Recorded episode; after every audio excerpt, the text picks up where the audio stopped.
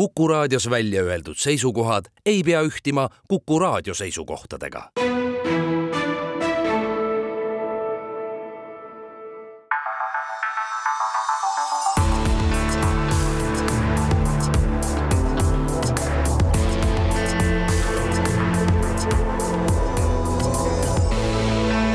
olukorrast ajakirjanduses taas eetris saade Olukorrast ajakirjanduses. Rõõm on tõdeda, et Vanamehed viinavabriku kõrval on viinavabriku kõrval oma tavapärases koosseisus. Väino leidis Fred, Freddie Mercury piimahamba ilusasti Sansibarilt üles ja on taas jälle rivis. tundub küll. ja Rein Lang ka siinpool nii et me kavatseme täna rääkida natukene. sa lubasid rääkida Jeesusest ja kalast ja Jeesusest ja kalast räägime päris kindlasti. eriti sellest, kuidasmoodi on võimalik paari kala ja leivaga toita ära terve rahvas, nii et järgi jääb kaksteistkümmend korvitäit. ja räägime natukene ka kesknädala sündroomist siis Eesti ajakirjanduses ja kindlasti räägime nendest kõikvõimalikest lennukatest ideedest, mis alati muutuvad aktuaalseks siis, kui raha üldse ei ole. siinkohal ma näen Rein Langi silmis on saatanlik säde. just ja võib-olla räägime natukene ka Hubert Seipelist, tähelepanuväärsest Saksa tuntud ajakirjanikust, kes sai kuussada tuhat eurot kingituseks selle eest, et Vene narratiivi levitada. aga sellest räägime hästi vähe, nii nagu Eesti ajakirjanduski räägib sellest hästi vähe. mulle tundub, et sa teed siiski nagu Eesti ajakirjandusele liiga, sest et sinu repliigi peale ma läksin ja guugeldasin ja mulle tundus, et, et Eesti ajakirjandus on sellest rääkinud täpselt nii palju, kui ta seda väärt on. ah nii, no selles suhtes me vist jääme jääme eriarvamusele, aga hüva nädalavahetusel oli siis kaks olulist poliitsündmust Eesti sisepoliitikas. Reformierakond pidas oma juhtide valimiste üldkogu ja tema valitsuspartner pidas erakorralist kongressi, kuna esimees astus tagasi. iseenesest mõlemad on ju olulised sündmused, lõpuks on ju tegemist ikkagi valitsuserakondadega, kes mõjutavad Eesti elu üsna kõvasti lugesime otse blogidest. nii, ja nüüd me vaatame seda natukene, kuidas see kõik siis kajastub ajakirjanduses. ja minu jaoks on nagu kaks problemaatilist äh, tendentsi. esimene tendents on siis selline, kus äh, teatud ajakirjanikud, äh, kas nüüd siis vabatahtlikult või suunatult, keeruline öelda, mõlemad variandid võimalikud, pühendavad juba ette nendele poliitsündmustele piisavalt ajaleheruumi või siis eetriaega selleks, et ennast põhjalikult välja elada ehk mitte öelda tümitada noh, eks, eks publikut tuleb ühtepidi ikkagi soojendada nendeks üritusteks ja ma vot erinevalt sinust, et mina seda ei tajunud, et sa veel nagu tõid siin praegu mingisuguse lause selle kohta just nagu eh,, kuidas see juhitult või mitte juhitult või? Need ajakirjanikud tegutsevad, et. suunatud et, või mitte suunatud, suunatud., motiveeritud või mitte motiveeritud. suunatud või mitte suunatud, ma seda ei arva, noh, kui tulekul on mingisugune üritus, loomulikult tehakse neid eellugusid ja olgem ausad, et oleks pisut, kui ajakirjandusele oleks see tulnud nüüd ootamatult laupäeval ja pühapäeval oleksime me nullist alustanud, siis oleksid sina, Rein Lang, öelnud, et Eesti ajakirjandus nagu kargas ka viimasel hetkel hobuse selga. et praegu, et, et see on ikkagi see, et, et tegid, mis sa tegid, aga tappa sa saad, eks ju. tuntud lingvist Koškin, eks ole. aga ütleme niimoodi, et teatud ajakirjandusväljaanded pühendasid oma ruumi nendele sündmustele piisavalt nii ette kui ka kajastuses. et mina võtsin selle metoodika järgi, et ma vaatasin kõik need läbi, tegin väikseid äh, väljakirjutusi. Rein Langi laua peal on väike Exceli tabel graafikuga. väike Exceli tabel ka, aga Exceli tabel on tõsi maha jäänud. aga mis siis, mida ma nägin? ja ma nägin seda, et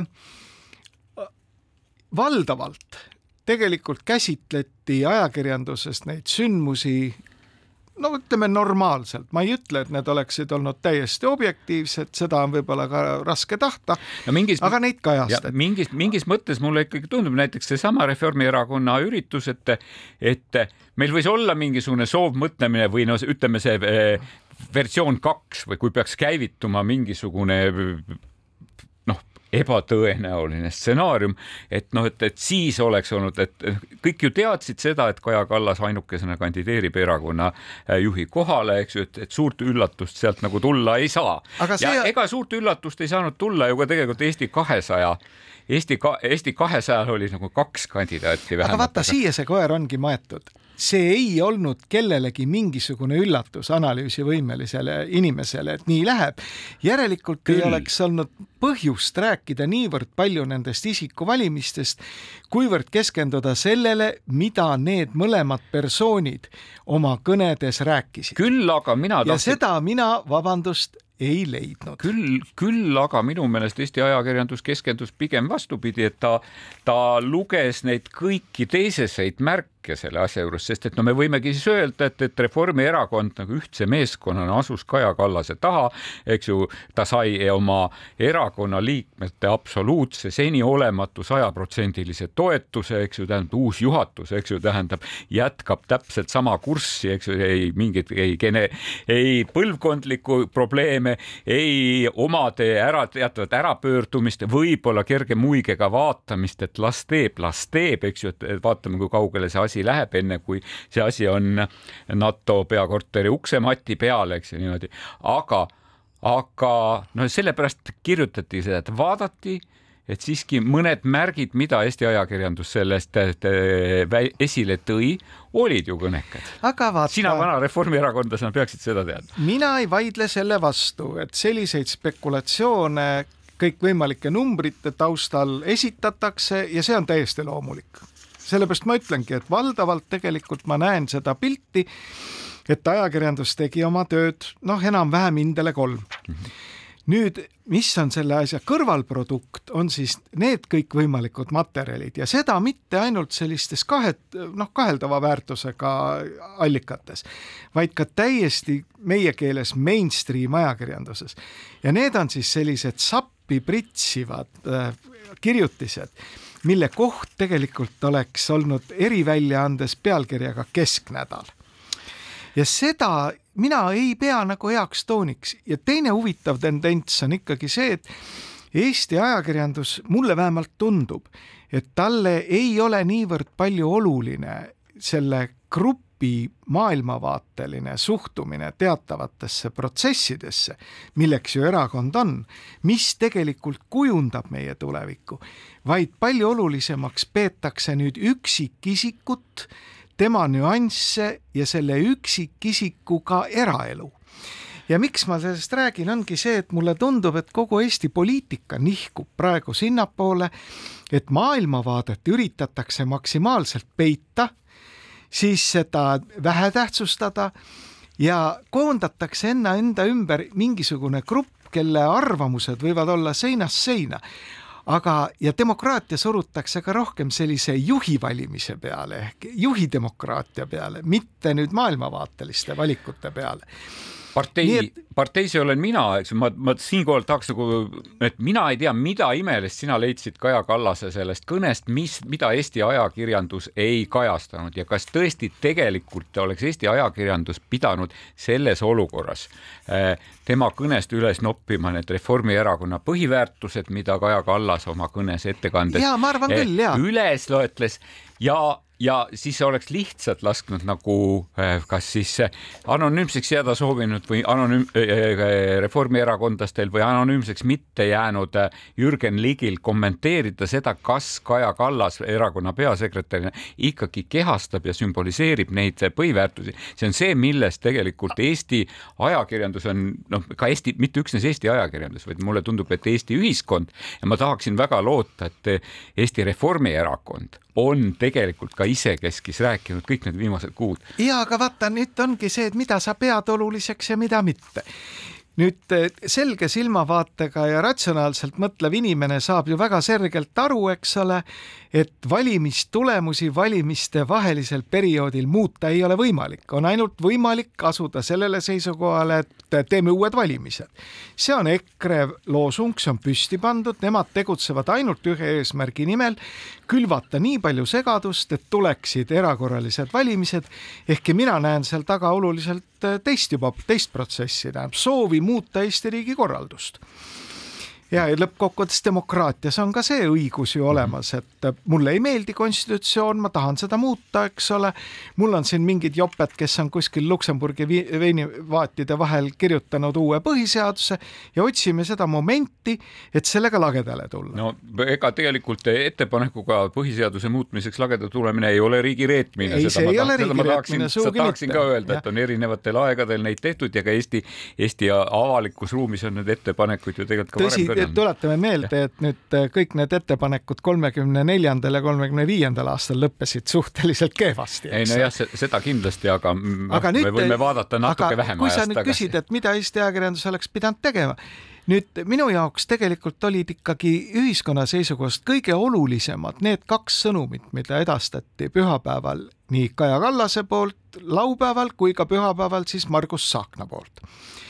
ja mina sain vähemalt nendest nii aru, et kallid inimesed, nüüd on saabunud see aeg, kus maksudega enam edasi liikuda pole võimalik ja me peame hakkama tegelikult vaatama kokkuhoiukohti eesti keeles kärpima. sama, samal päeval Aktuaalne kaamera annab rääkimisvõimaluse sotside liidrile, kes ütleb väga selgelt täiesti risti vastupidist, ütleb, et palgad on väikesed, palka tuleb tõsta.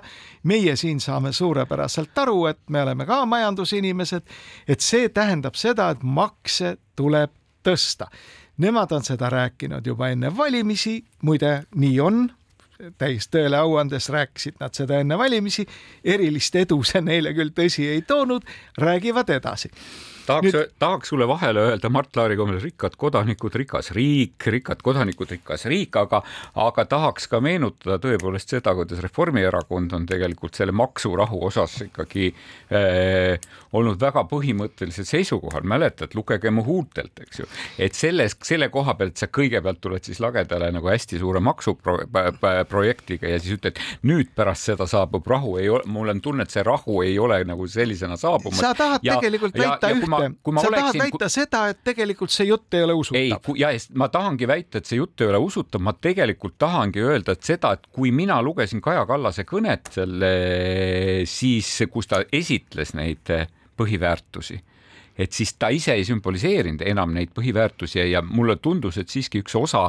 Reformierakonnast tajub seda ka ja noh, tänased ajalehed on seda ju öelnud, et nüüd on teil, nüüd te olete partners in crime, eks ju, tähendab, et põhimõtteliselt, et see, see, mis varem oli Kaja Kallase probleem, eks ju, on nüüd terve erakonna probleem. vaata, Veino, sa nüüd oledki aga, hästi aga, libedal ma olen, teel. ma olen libedal teel, aga ma tahtsin teine veel öelda, et, et tegelikult, et kui sotsid tulid sul lagedale, eks ju, palgatõusu ideedega, siis tegelikult äh, äh, ERR-i intervjuus siis Postimees Ahti Kallikorm tuli tegelikult äh, välja looga looga, et me, me saame hakkama ilma maksutõusudeta, ta tuli sealt tegelikult välja nelja ideega, millel ma lihtsalt juhin tähelepanu, need on, need ei ole midagi juhi uut, peale väikest pausi.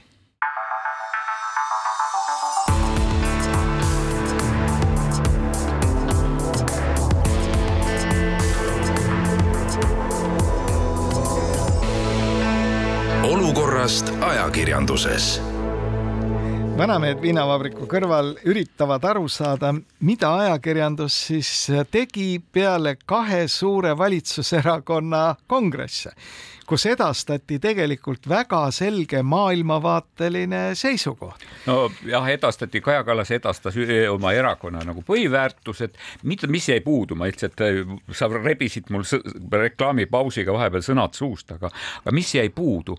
Tegelikult kui Kaja Kallas ütleb, et meil on kriis ja kui ma nüüd noh, tahaks parafraseerida Andrus Ansipit ja selles kriisis me elada ei taha, siis mida peaks tegema ja kas siis see, kas siis tõesti see kärpimine pärast maksutõuse on siis see võluvits, mis aitab Eesti majanduse jalgadele.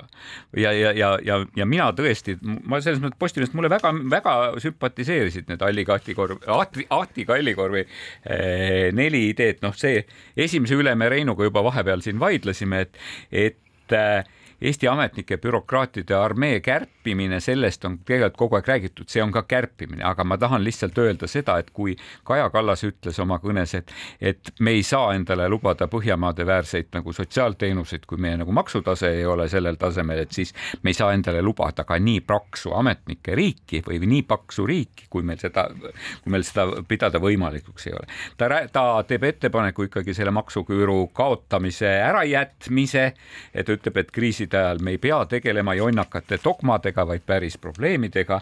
Ja siis ta kolmandana ta pakub välja kõikide, et riigil oleks julgus võtta ennast kokku võtta ja alustada riigi võlakirjade väljalaset ja, ja see on hea selles meeles, et see annaks mingitele inimestele, kellel on majanduslikke võimalusi, annaks võimalik te, teostada oma omanikutunnet meile oluliste projektide juures, mis annaksid tegelikult tööd ja elavdaksid majandust. ja see ei ole nagu maksustada surnuks, eks ju, kõikvõimaliku käibe ja tulumaksuga neid kes ei saa seda endale lubada. tore on.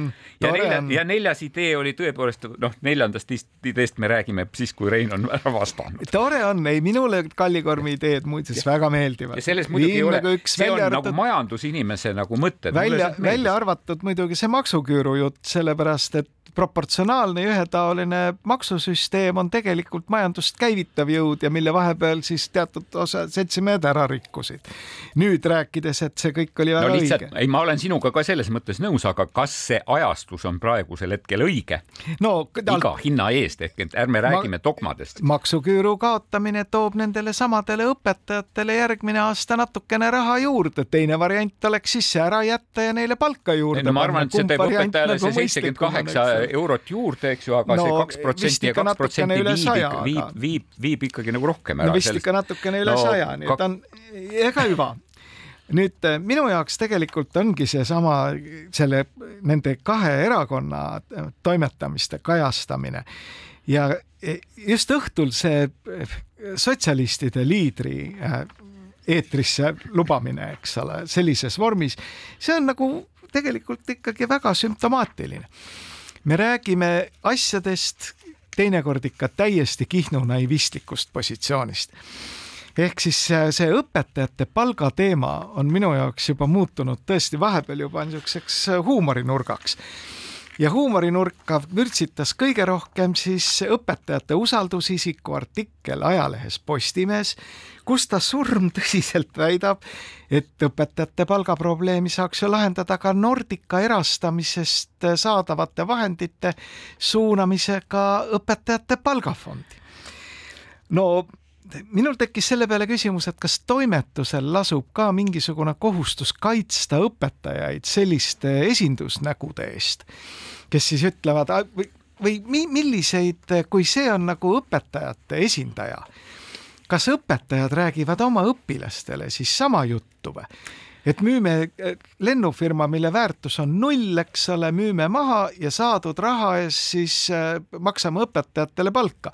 minule küll tõsi meenus, et maailma kõige parem äri on müüa piiritust ja saadud raha maha juua. Rein, aga mulle tundub, et, et tegelikult peeti seal pigem ikkagi silmas seda, et meil on raha teha majanduslikke lollusi, mida me teeme erakordse kangekaelsusega, eks ju niimoodi. Nendest aga, me hakkamegi kohe nende, rääkima. Nendest me hakkame kohe rääkima, aga ma tahan nagu selle õpetajate diskus, dis, diskussiooni juures oli väga mitu asja, mis mind häiris. mind koledasti tegelikult häiris see, kuidas, kuidas riik ja tegelikult ka haridusministeerium riigi, riigi esindaja demoniseeris tegelikult kogu seda ametiühingu liikumist ja streigi liikumist, eks ju, ja tegelikult üritas täiesti kasutades demagoogilisi võtteid, eks ju, üritas äh, hirmutada neid õpetajaid, see mind koledasti häirib. siis teine asi, mis mind koledasti häirib, et kui on vaja rääkida nagu, kui on vaja rääkida sellest, et kuidas makse tuleks tõsta ja, ja, ja, ja, ja, ja kärpida õppida ei saa, siis me räägime tavaliselt ikkagi päästjatest, räägime politseinikest, räägime meditsiiniõdedest ja räägime ka õpetajatest, et need on nii halastamatult on need nagu kommunikatsiooni nagu viguritega üle ekspluateeritud nähtus, eks ju. et me teame ja iga inimene mõtlebki väga konkreetselt, et kui maja, et kui päästja nüüd ära lõigata või päästja ei saa palka, siis maja põleb maha, eks ju, kui meditsiiniõed ei saa palka, siis haige sureb ära, eks ju, kui õpetaja ei saa palka, siis Juhan jääb lolliks, eks ju. niimoodi niimoodi väga selge, et aga kui strateegilise kommunikatsiooni osakonna direktor, eks ju, tähendab, ei saa palka, siis keegi ei saa aru, eks ju, tähendab, millest me ilma jääme niimoodi. ja, ja, ja samal ajal see selles samas ajakirjanduses on meil tegelikult lõputult lugusid selle kohta, et meil nagu lollusteks raha jätkub, eks ju. ma kõlan võib-olla tõesti ka sotsialistlikult, eks ju, tahaksin öelda, aga lollusteks meil raha, seesama sellest samast koolisüsteemist äh, optimeerimisest, koolivõrgu optimeerimisest, no mäletan, ma olin neljandas klassis sügaval nõukogude ajal, räägiti sellest. Väikene maakool tuli kinni panna ja needsamad lapsevanemad pidid võitlema, pidid võitlema selle kooli nimel, sest kõik ülejäänud tahtsid nendele lastele paremat tulevikku. ja, ja, ja, ja kui oli meil see omavalitsusreform, eks ju, siis seal, eks ju, tegelikult seda teemat hoiti ju teadlikult sordiini all, ärme puuduta kooliteemasid, tuleme selle kooliteema juurde siis, kui nagu seal tükk aega lükkame selle sügavalt sinna pagana vaiba alla, eks ju. ja, ja nüüd me oleme selle aga palun vabandust, aga huvitav, et kes on siis selle näiteks sellesama väikese maakooli, mille ümber käib praegu tants siis selle ühiskondliku arvamuse peamine kujundaja, et seda kooli ei tohi puutuda, see kool peab igavesest ajast igavesti arvan... säilima, mis siis, et selle õppe, õpilase koht, õpetamise koht maksab kolm korda rohkem kui Tallinnas või Tartus kuidas sa kujutad ette, et demokraatias siis poliitikutel on nagu lihtne hakata rääkima koolide sulgemisest olukorrast, kus terve ajakirjandus kallab neile sellest solgi krae vahele? ei, vaata, vaata Rein, no nagu nüüd ongi küsimus, ma arvan, et jälle, et, et ühe õpilase õpetamine, eks ju, tähendab eh, väga tiheasustuspiirkonnas on palju odavam, eks ju, niimoodi ja väga suures koolis on palju odavam, eks ju, päris kindlasti. ja ju küllap selle arvelt tuleb leida kusagilt see tasakaal, sest ühtepidi me teame, et, et sellel samal omavalitsus, Tallinna omavalitsus valitsusel mingis mõttes on, on lihtsam kui mingisuguse Kitsesoo, Kitsesoo külakooli haldaval omavalitsusel, sellepärast, aga see Kitsesoo omavalitsus peab ka teadma, et kui tal kooli ei ole, siis tal ei ole varsti ka maksumaksjaid ja see on olnud niimoodi nõukogude ajal, see on olnud nii Eesti Vabariigi algusaegadel ja see on nüüd ka praegu, et, no, et küll... ta ei tule, sinna ei tule neid uusi maksumaksjaid. no kuule, ega nüüd maksumaks. ja me ei räägi, me ei räägi nagu Rae vallast, me ei räägi Saue vallast. ei no see on nüüd nagu ja. tüüpiline spekulatsioon, et hoiame kooli püsti, ehitame ujula ka ja küll siis ja... maksumaksjad asjad tulevad. vaata, Rein, nüüd sa oledki selle asja juures, et tundubki, et, et see kool on see ujula, et ülikool on ka see uus õppekorpus, eks ju, tühja nendest, tühja nendest, tühja nendest õppejõududest, tühja nendest õpetajast, peaasi, et saaks betooni mina valada. üritan vaadata ja, ja, ja seda, mismoodi omavalitsus... see kõik kajastub avalikus inforuumis. Ja.... inforuumis kajastub see, et alati kajastub väga positiivse uudisena see, kui kuskil on avatud uus koolimaja, mille juures on ka ujula ehkki mõistusega inimesed ütlevad, et kahe aasta pärast on praktiliselt lootusetu seda kõike üleval hakata pidama.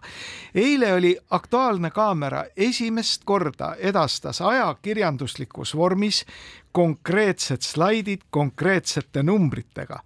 mida tähendab tegelikult see valik, et me subsideerime siis väikeseid koole tegelikult teiste koolide arvelt väga vajalik materjal selleks, et ka inimesed saaksid nagu pildi ette aga tegelik inforuum, eks ole, mida ajakirjandus kujundab, on ju see, õpetajatel on vaja palka juurde, nõus, aga väikesed koolid peavad säilima. see üksteist õpilast õpetaja kohta ei ole probleem, see on tegelikult meie tugevus no palun vabandust, need asjad ei lähe kokku. ei no mingis mõttes ei lähe kokku, Rein, aga ma tahtsin lihtsalt seda ütelda, et kui see, seesama ujula, seesama võimla basseiniga, seesama jalgrattatee, see küla Kiige plats ei too sellele omavalitsusele mitte kunagi maksumaksjat, sest needsamad lapsevanemad hääletavad jalgadega väga konkreetselt, kui sinu lastele kooli ei ole või kui sa pea, kui laps peab kooli sõitma tund aega, siis sinna omavalitsusse ma ei koli, et see on nüüd nagu see küsimus. aga teine asi, mis on nagu väga omane praegusele nagu poliitilisele diskursusele üldse, on see, et keegi ei kuula, et inimestel sealsamalt sellesama maakooli nii õpet-, tegelikult kõigile õpetajatele, nendesama maa maakooli lapsevanemad on jäänud mulje, et võim neid ei kuula et võim, eks ju, otsustab ise, ka siis, kui Parvel Pruunsild annetab neile, eks ju, selle raha, et nad saavad aasta kooli pidada, siis võim ütleb, pole vaja, pole vaja, me kanname selle tagasi. ja, ja seal on nagu läinud, kus võim ajab kiusu, see tunne inimestel, et võim ajab kiusu on väga halb. mina näiteks ei ole üldse mitte nõus, et kes on takistanud tegelikult siis kogukonnal erakooli teha, niisugust takistust ma kuskil ei näe, ei seadusandlikul tasemel ega ka koha peal. minu meelest aetakse kiusu praegu hoopiski teiselt poolt, aga hüva teeme siinkohal väikese pausi ja siis räägime nendest fenomenaalsetest lennukatest ideedest, mis rahapuuduse jooksul siis ajakirjanduses maad on võtnud.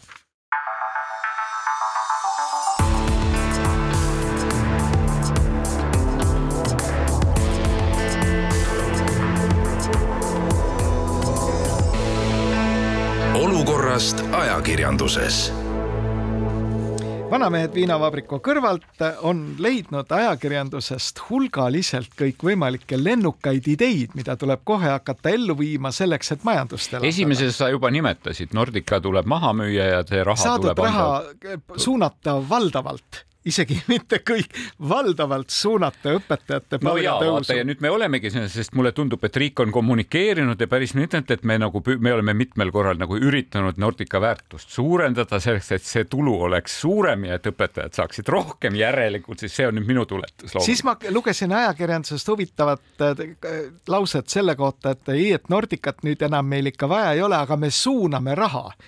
Me suuname raha, muidugi, mida ei ole, eks ole, lennujaama siis ma teise käega guugeldasin veidikene ja leidsin sealt verd tarretama paneva materjali lennujaama uuest kinnisvaraärist. millest oleme selles saatest vist tegelikult rääkinud, seda, seda on hädavajalik. bürooned, kort-, korterid, kõikvõimalikud asjad, eks ole, sellele krundile, mis, mille arendamine loomulikult on lennujaama elulistes huvides. no teisipidi, Rein, et nüüd nagu, kus see on, kuidas me siis sellesse peaksime suhtuma, kui riik omanikuna on seadnud tegelikult need teatavad omaniku eeldused, nad mis tahes riigis, Eesti Energial on nad need omaniku ootused seadnud, et tuleb teenida kasumit, ninast veri väljas, loomulikult lähedki siis selle peale juutasse ja püüad kivist, eks ju, teha õli niimoodi et, et ka lennujaama tegelastel on, ma arvan, et küsimus ei ole mitte see, et, et tagada Eesti nagu parim või selline infrastruktuur, kuhu tahaks lennata iga lennufirma, et meil oleks võimalikult palju ühe, ühendusi. see ei olnud selgelt nimetatud omaniku ootus, küllap, sest enamikule nende riigiettevõtetel on ikkagi pandud see kasum väga kapitalistlikult pandud selleks omaniku ootuseks ette ja midagi pole teha, eks ju. siis see, noh, ma olen alati öelnud, et eh, see selle kütuseäri ja, ja narkootikumide hulgikaubandusega on võimalik alati paremini nagu teenida kui äh, väikest maakooli pidada. selle üle tuleb tõsimeelselt arutleda. kunagine minister Villu Reiljan mängis KIK-i rahadega börsil, oli plussis siis me lugesime sellist fenomenaalset materjali, kuidas ikkagi Haapsalu raudtee toob õnne õuele nüüd siis ekspeaminister Juhan Parts on asunud oluliselt kaitsma seda plaani. no, see Juhan ei ole Part, ju. Juhan Parts on minu meelest ka teatanud, et temast, tema oskaks nagu Rail Balticu ikka väga hästi ja, ja väga odavalt valmis ehitada. kas, kas ma olen kuidagi valesti mulle, sellest aru saanud? mulle jääb mulje täpselt nagu Donald Trumpist, kes ütleb, et ta viieteistkümne minuti jooksul lõpetab Ukraina sõja ja ehitab Mehhiko piirile tara. aga ütle, kas see raudteevärk on ikkagi nagu, kas see on nüüd see, see, mille kohta sa nimetad, et see on see sogane vesi, kus on on hea nagu kala püüda, sest ma mäletan, et meil on nagu Eesti Raudtee erastamine, Eesti Raudtee tagasiostmine, mäletad, eks ju, meie mäletan. tõime raudtee rahvale tagasi, eks ju, jalutasid kõik need inimesed, küll kahjuks, eks ju, tähendab pisut teises erakonnas nad olid et.... Euroopa komisjonär jalutas et, ju auruveduri ees, jah, et, et, et selle, et selle koha peal, et, et kas see on siis nagu see koht, et kus on võimalik nagu tõesti segases vees või, või sogases vees tõesti kala hästi püüda, eks ju, ja, ja hea raha liigub ja keegi ei saa aru, sest kus, kus kus lõpeb mõistus, seal algab ju raudtee. ma juhin tähelepanu, meil ei ole raudteesaade, meil on ajakirjandussaade. no aga millegipärast me, me vaatame seda selle pilguga, mida ajakirjanduses siis vahendatakse. no ka mina olen kõik ja need head ütleme, tarkused erad saanud Eesti ajakirjanduse kaudu ikkagi. see ei ole mitte Mart Juure kirjutis, eks ole, et on plaanis raudtee ehitada kuni Rohukülani, et sealt saaks otse Elroni porgandi pealt astuda praamile kuiva jalaga. aga võib-olla saaks isegi ka, ka porgandi praami peale, et siis võiks ju jätkata. ongi ja siis tuleks ehitada raudtee see ring ka Hiiumaale kindlasti, et siis oleks Tallinn, Kärdla, Emmaste, Käina. äkki me saaksime siis kuidagi seda Saaremaa süvasadamat võtta selle juures kasutusele siis, et. ja võib-olla sinna laiendada raudteed.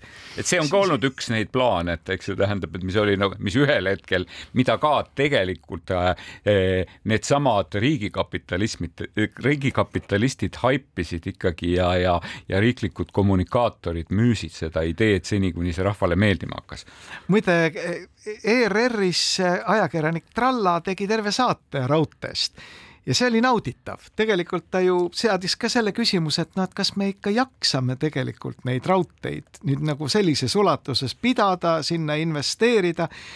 Ja läheb paar päeva mööda ja siis tuleb uudis, et kavas on siis taastada ka Valga-Võru raudteeliin.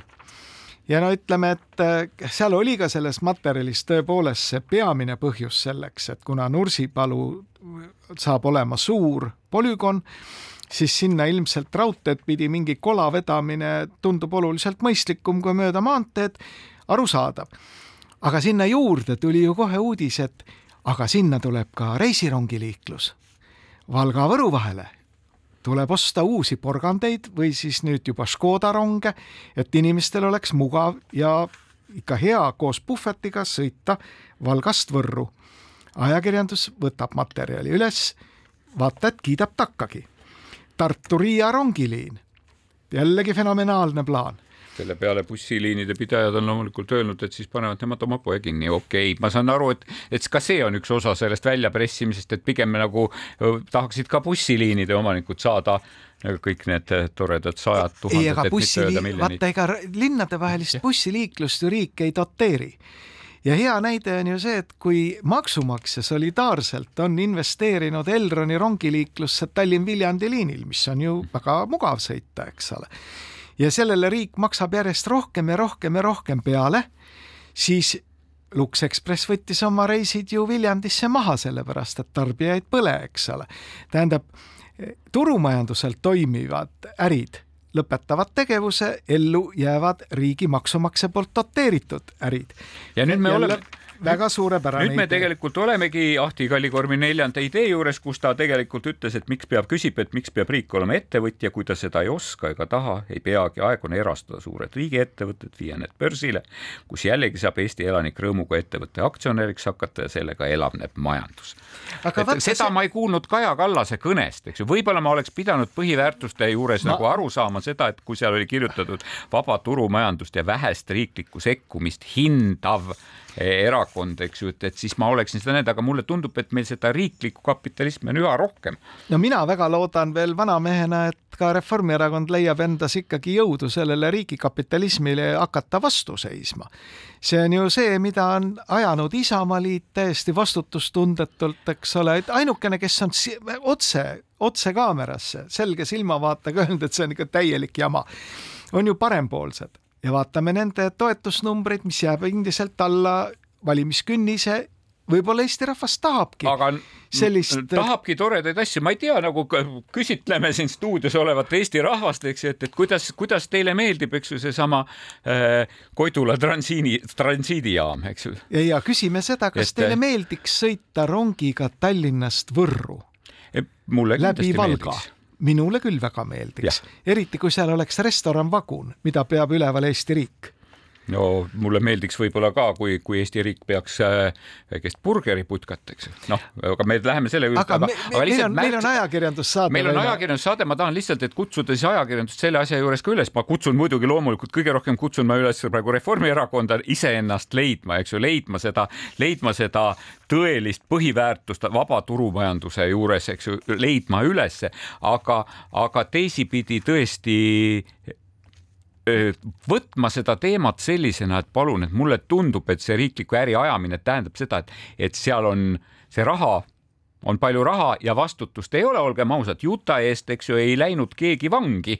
eks ju, see oli lihtsalt kurb raha, kurb, kurb, kurvad miljonid, mida meie, eks ju, peame kinni maksma, oleksime võinud selle raha õpetajate palkadesse panna, eks ju. seesama Koidula piiripunkt, eks ju, kus mägesid pöörati, eks ju, me maksime selle kinni. okei okay,, jäi mulje, et, et seda tegi Euroopa Liit, eks ju, aga Euroopa Liit, see oleme ka ju meie ja arvatavasti me maksame kinni ka, maksame kinni ka kõik need õlitehased, mille kohta on öelnud öelnud äh, meie samad poliitikud praegu, needsamad, kes äh, äh, vaba ja, ja turumajanduslikku nagu poliitikat jutlustavad, on öelnud, et nüüd, kus me nii palju kahju oleme saanud, ei saa me seda asja ometi pooleli jätta, et me peame nagu nui neljaks selle asja nagu ära lõp- või lõpuni viima, eks ju, ja ma kardan, et selle projekti maksame ka meie kinni. aga mina väga tahaks, et Aktuaalne Kaamera leiaks endas seda jõudu et ta teeks rohkem selliseid materjale, nagu eile oli see väikeste koolide võrdlus, see maksu, õpilaskoha maksumuse võrdlus.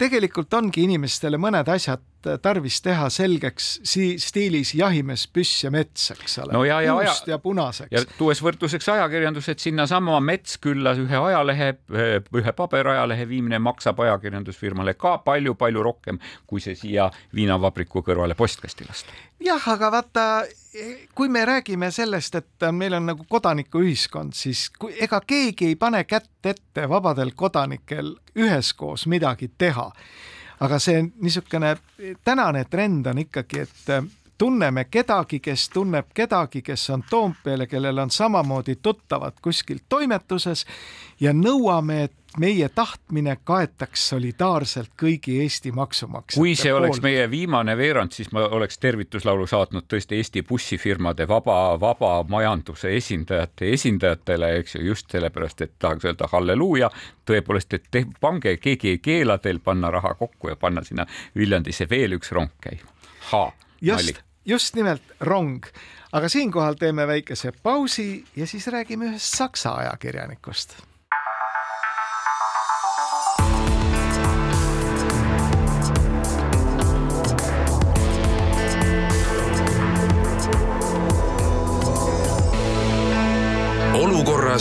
ajakirjanduses vanamehed viinavabriku kõrvalt Rein Lang ja Väino Koorberg nüüd sukelduvad äh, sellisesse põnevasse maailma, mis on äh, seotud ka natukene siis meie kalli idanaabri tegevusega. toimus järjekordne suur infoleke alati, kui on lugeda mingitest Panama paberitest või Mossad Fonsecast või siis Liechtensteini paberitest, siis ma olen kujutanud ette, et on kaks sellist juhtimismeetodit.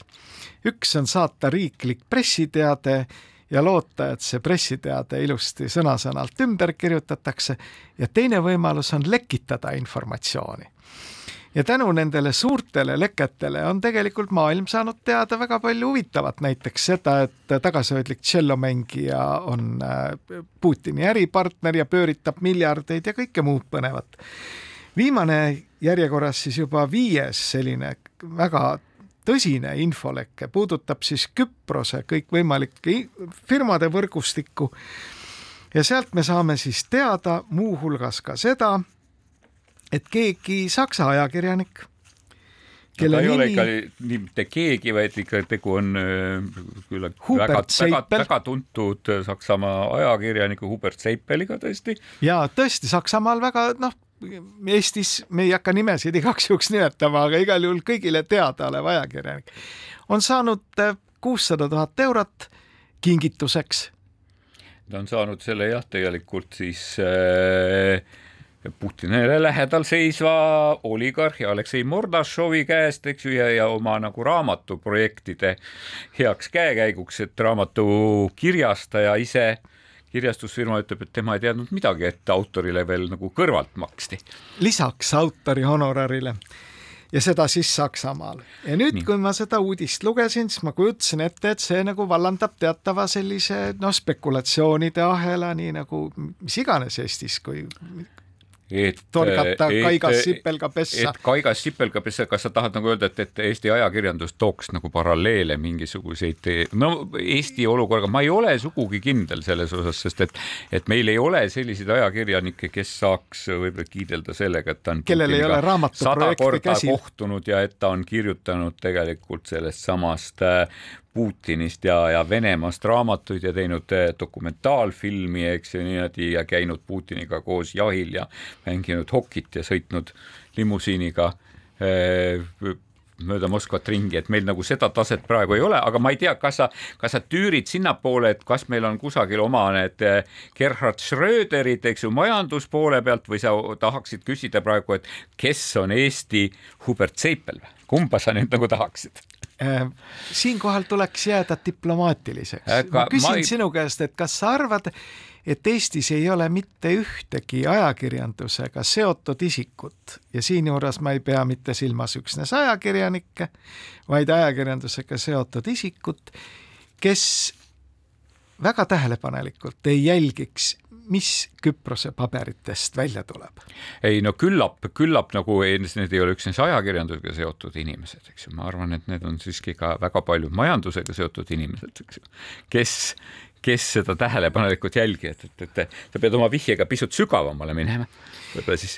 ma esialgu veel ei läheks. no esialgu, sest ma kardan, et see on küllaltki spekulatiivne, aga, aga lihtsalt, et see on minu meelest see on suhteliselt äh, ma ei imesta, millegipärast Saksa kultuuriruumis ma väga ei imesta selle üle, sellepärast et Saksamaa-Venemaa erisuhe on ikkagi olnud alates, eks ju, tegelikult kogu sellest, kogu sellest majanduse poolest ja tõepoolest kogu sellest gaasiärist alates, eks ju, on olnud ikkagi väga selge olemas ja Saksamaa ajakirjanikud on ka väga mõjukad selle koha peal. et äh, ei ole, et lihtsalt, et kas siin, kas siin on mõtet sügavalt kalastada, on minu küsimus. No.. loomulikult, loomulikult, eks ju, tähendab, et ühe laptopiga on võimalik alati, eks ju, tähendab korraks kedagi niimoodi, ma ei tea, kas ära osta, eks ju niimoodi, aga meelsust kujundada, aga võib-olla see on nagu, see on nagu väike mäng. Et, et võib-olla siis järgmine hetk on see, et kui ajakirjanik liigub poliitilisse süsteemi või liigub ärisüsteemi, eks ju, et siis me, me näeme tegelikult neid inimesi, kes on, kes on ajakirjandusest liikunud poliitilisse süsteemi võib-olla no need inimesed, kellel on vaba aja veetmise üks vorm on raamatute lugemine, need ju ilmselt teavad, et äh, Venemaal on olnud selline äraostmiskultuur sajandeid pikk. seda on tehtud nii nõukogude ajal, tehakse täna et äh, läbi mingite meeleheade, läbi kõikvõimalike projektide tegelikult kujundatakse ka lääne ühiskondades avalikku arvamust.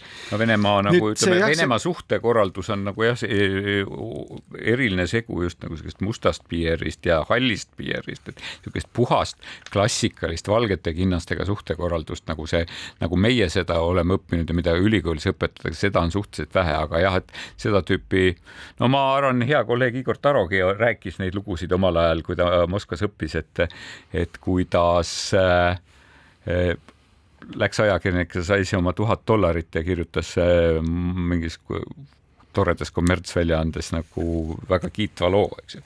aga noh, siin ei ole see tase, siin me tegelikult räägime ikkagi väga suurte masside mõjutamisest. nii, kui me nüüd vaatame seda numbrit, kuussada tuhat eurot, eks ole, nii-öelda raamatu toetuseks, ma arvan, et tegelikult see ei olnud mitte ainuke toetus, mis siis äh, lugupeetud Seipeli äh, pangaarvele kanaliseerus, ju neid ka kanaleid kasutati mitmeid. Mm no küllap ka selliseid ajakirjanikke on kogu maailmas, aga, aga noh, ma arvan, et, et on mingeid hetki, kus ajakirjanikud nagu öö, äh, noh, poole pealt hüppavad maha, et on, meil on olnud selliseid, selliseid tegelasi, et kus nad on aru saanud, et neid on ära kasutatud. siin, siin on muidugi keeruline, siin on natuke segu, eks ju, tõepoolest majanduslikust mõjust, poliitilisest võimust, siin on ka segu äh, isiklikust edevusest, ütleksin ma sest ligipääs sellisele isikule on tegelikult veel suurem valuuta kui see kuussada tuhat, eks ju, et, et millega on võimalik saavutada tulemust. Nimesid nimetamata võin ka mina kinnitada, et Väinol siin on täiesti õigus, et neid, kes on õigel hetkel veel liikuma hakanud rongilt maha hüpanud, neid me vist teame mõlemad. aga neid katseid on tehtud Eesti ajakirjanike mõjutamiseks ja ajakirjandusjuhtide mõjutamiseks küll ja küll. Noh, meenutame siin niisuguseid labaseid meetodeid tõesti, et omal ajal kutsuti ju juhtivad ajakirjanikud Moskvasse ja kõigile kingiti laptop see oli, sa võin vist mäletad seda päris hästi. ei, ma mäletan see... suhteliselt detailselt seda olukorda tõepoolest, eks niimoodi, et see. nii et äh, selliseid meetodeid on venelased ikka kasutanud ja jäävadki kasutama, nii et selles ei ole iseenesest nüüd ütleme Eesti kultuuriruumis toimetavale inimesele mitte midagi üllatavat aga mis oli minu jaoks natukene üllatav, oli see, et see ikkagi ei põhjustanud sellist suuremat debatti ajakirjanduse rollist äh, Venemaa narratiivi äh, edastamisel. no aga no, ma arvan, et võib-olla, et, et, et no vaatas, vaatasin ka New York Timesi, ega, ega ta ka ei pühendanud oluliselt pikemalt nagu sellele teemale, et no ma arvan, et Sak-, noh, kuna ma ei ole jälginud eraldi Saksamaa ajakirjandust, ma arvan, et Saksamaa, Saksamaal on ta ikka tulenevalt nendest kultuuri eripärast ja tõepoolest sellest, et ta on, tegu on Saksamaal prominentse isikuga, on see palju suurem see mõju tegelikult, aga, aga öelda, et Eesti ajakirjandus oleks selle nagu päris maha vaikinud, ei saa kohe selle, seda ka ei saa. sellest kirjutasid kõik lehed ja kirjutasid täitsa normaalselt, Rein, et. hüva, aga meie tänane saateaeg on täiesti läbi, kohtume jälle nädala pärast ja. siis on teised lood. siis on, siis on teised, teised lood. äriprojektid meil. aga arvates. loodetavasti samad vanamehed ikka viinavabriku kõrval ja meie saadet jääb lõpetama kõikide lennukate ideede autoritele. pühenduslaul. ja pühenduslaul nendele ajakirjanikele, kes neid lennukad ideed meieni toovad ja aitavad meil kaamust üle elada. see on ansambel Vitamiin ja oi-oi-oi, lennukate ideede üks suurmeister, sõber Aivar Mäe laulab meile lennust